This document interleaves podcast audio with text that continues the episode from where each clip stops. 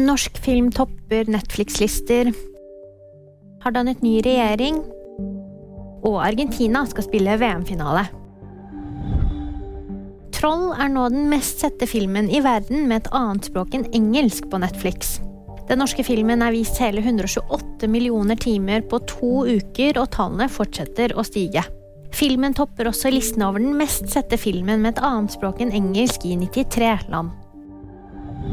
Danmarks statsminister Mette Fredriksen har dannet ny rød-blå regjering.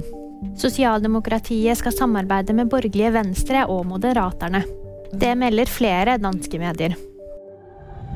Argentina slo Kroatia i kveldens semifinale. Messi og co. hadde to kjappe skåringer i første omgang og én i andre. Kampen endte 3-0. Dermed skal de spille finale på søndag. Der venter enten Marokko eller Frankrike. Og VG-nyhetene de fikk da meg, Tjommen Brit Gahr.